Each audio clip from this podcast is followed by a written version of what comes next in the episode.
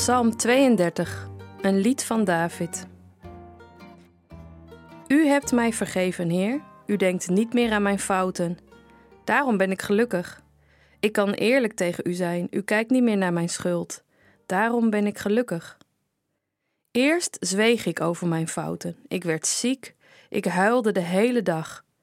Dag en nacht voelde ik uw woede, Heer. Ik verloor al mijn kracht. Ik kon niet meer verder. Toen vertelde ik u over mijn fouten. Ik zweeg niet langer over mijn schuld. Ik zei eerlijk wat niet goed was. En u hebt me alles vergeven. Mensen die trouw zijn, moeten doen wat ik gedaan heb.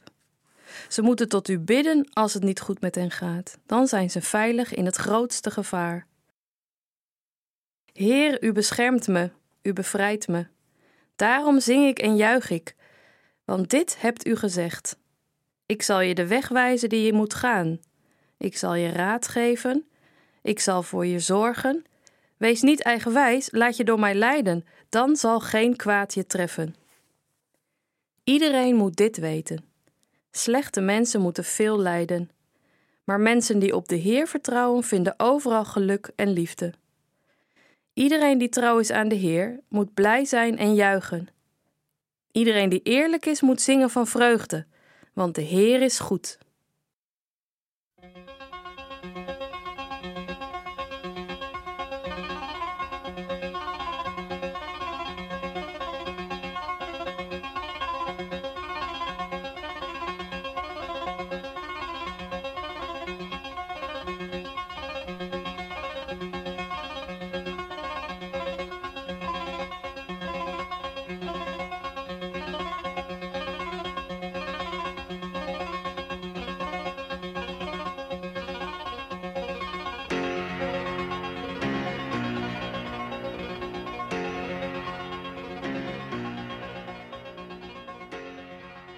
Vergeving, daar gaat deze psalm over.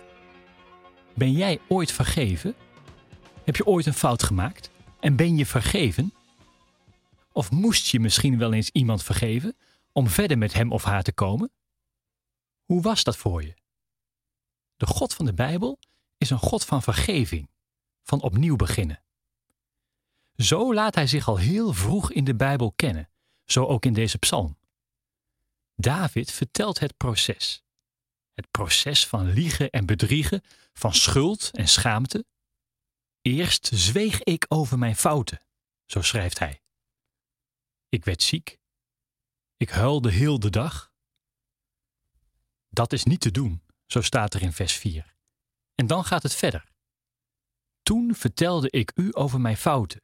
Ik zweeg niet langer over mijn schuld. Ik zei eerlijk wat niet goed was. En u hebt me alles vergeven.